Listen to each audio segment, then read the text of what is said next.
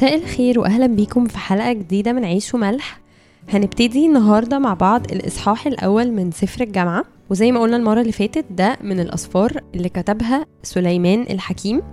وبيتقال إنه من الأسفار اللي هو كتبها في آخر حياته وهو كبير شوية في السن. وده بيبان على طول من آية واحد. تعالوا نقراها مع بعض.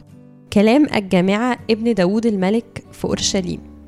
فهو بيبتدي كلامه من هو بيقول أنا الجامعة ابن داود الملك فبنعرف على طول إن هو سليمان الحكيم. طيب بيقول بنعرف هنا من البداية إنه الجامعة ده هو اسم سليمان بيقوله على نفسه فهو بيسمي نفسه اسم الجامعة. ودي كلمة عبرية ترجمتها بالظبط الشخص اللي بيجمع أو بيجمع بيكولكت حاجات. وكأن سليمان في الكلمة دي اللي هي تاني كلمة على طول في السفر. واسم السفر نفسه عايز يقول لنا إن أنا بعد ما قعدت كتير أجمع في الحكمة عايز أجمع في الحقيقة وأفهم أكتر وأعرف أكتر. وطبعا كلنا عارفين إن سليمان وقلنا المرة اللي فاتت كان غني جدا كان حكيم جدا اتجوز كتير مملكته توسعت بطريقة رهيبة بشكل سواء سياسيا كان شاطر قوي اقتصاديا المملكة كانت غنية جدا فمملكته كبرت وتوسعت وكانت من أعظم الأوقات للمملكة اليهودية.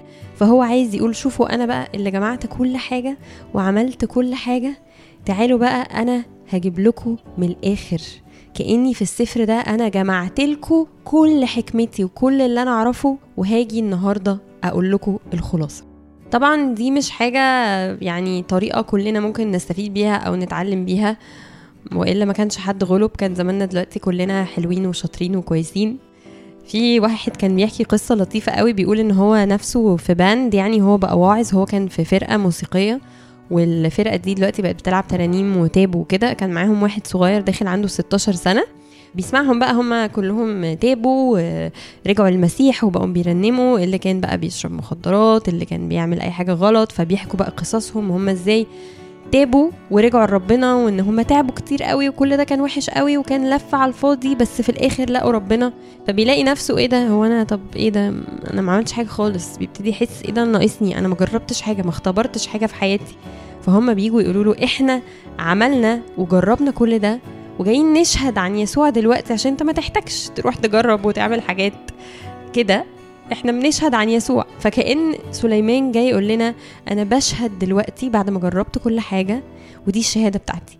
هنشوف بقى إيه هي الشهادة بتاعته من خلال سفر الجامعة. بس طبعا يعني تاني أرجع وأقول إنه على قد ما الكلام كبير والكلام مفيد بس يا ترى مين فينا اللي هيقدر يطبق وينفذ ما يبقاش زي الولد ده عنده اشتياق إن هو يروح يعمل حاجة الغلط أو على الأقل حتى لو عنده الاشتياق هيمنع نفسه ويقول آه سليمان حذرني من ده سليمان قال الكلام ده ربنا في الكتاب المقدس قال لي الكلام ده. ملاحة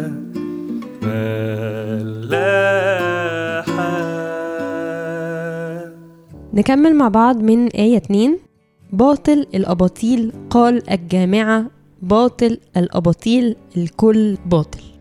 آية طبعا محبطة هي مشهورة قوي بس هي محبطة قوي. سليمان عمال يقول باطل الأباطيل أنا الجامعة تاني بيعيد على اسمه تاني.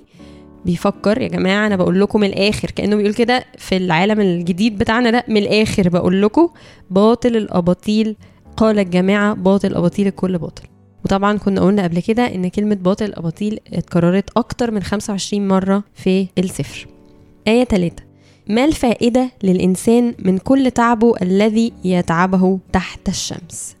يبقى هو بيقول لنا كل حاجة باطلة وإيه فايدة الإنسان من كل تعبه اللي بيتعبه تحت الشمس؟ في كلمتين هنا مفتاح للسفر وهيكملوا معانا. باطل ودي قلنا إن هي اتكررت كتير قوي وتحت الشمس برضو اتكررت أكتر من 25 مرة في السفر. طيب باطل يعني إيه أو إيه الترجمة؟ باطل هنا هي كلمة عبرية ومعناها بالظبط البخار. البخار.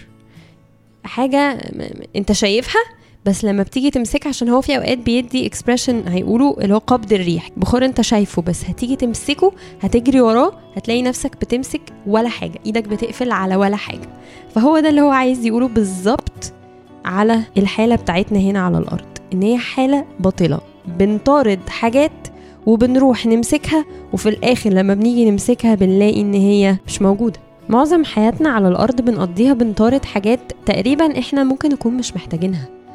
يعني من أول ما بتصحى من النوم كده الواحد يفتح عينيه وآفة العصر اليومين دول إن إحنا نفتح نمسك الموبايل نقلب في السوشيال ميديا ولا نفتح أي حاجة نتفرج عليها فيلم ولا ايا كان نشوف حياة مش حياتنا وناس بتعمل حاجات و... فالحاجات دي تبتدي تحسسنا آه لأ أنا ما عنديش ده أنا ناقصني ده. فأبتدي أحس بعدم الرضا. أبص على حياة حد أقارن والمقارنة تبتدي تحسسني بالدنو وإن أنا أقل. مع إن أنا ربنا مديني كتير بس هو الحاجات دي معمولة عشان كده عشان ندمنها ونقعد نبقى عايزين حاجات أكتر ونتفرج عليها أكتر.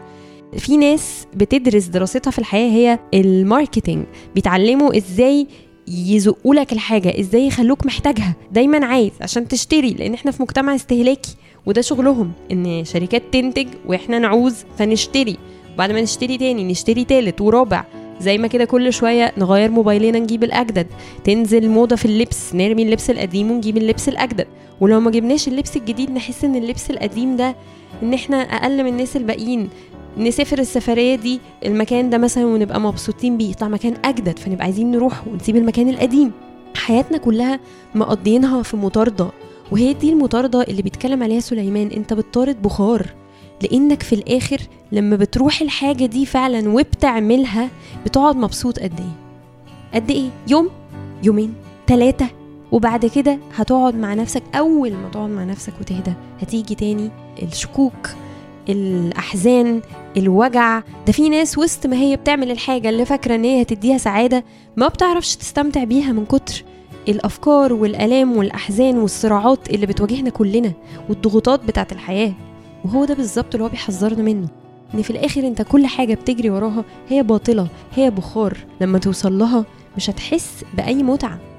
في قصة مغيرة في حياتي ويمكن أنا حكيتها كتير لحظة وأكيد اللحظة دي بتيجي لكل واحد فينا بس بتفرق بقى. مين هيقرر يعمل إيه بعدها؟ اللحظة اللي أنا قررت أغير حياتي فعلا وأوجه حياتي ناحية ربنا وأنا لسه كده صغيرة في عز شبابي في أوائل العشرينات. خروج وانبساط وفسح وراها فسح وراها فسح. وفي الآخر كل مرة بحس بالفراغ ده. بحس بيه. لحد ما في لحظة وقفت مع نفسي قلت لازم يكون في نهاية لازم يكون في حاجة أكبر وأكتر. في كاتب مسيحي مشهور قوي اسمه C.S. لويس يمكن آه، معظمنا نعرفه. بيكتب كتير قوي في اللاهوت وأنا شخصيا بحبه قوي. قال الجملة دي لو عندك رغبة أو احتياج عميق مفيش حاجة ابدا في العالم قادرة تملاه يبقى ده أكبر دليل إننا مش مخلوقين للعالم ده وبس. دور جواك شوف الاشتياق اللي جواك اللي مفيش حاجة بتملاه. ده معناه إن أنت مش مخلوق للعالم ده وبس في حاجة أكبر من كده مستنياك. بولس بيقول في رومية 8 آية 20 إذ أخضعت الخليقة للبطل ليس طوعا بل من أجل الذي أخضعها على الرجاء.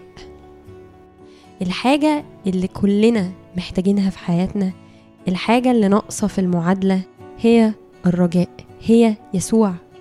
وكأن سليمان كان عارف ومتأكد إن في مجيء وإن في خلاص على إيد يسوع.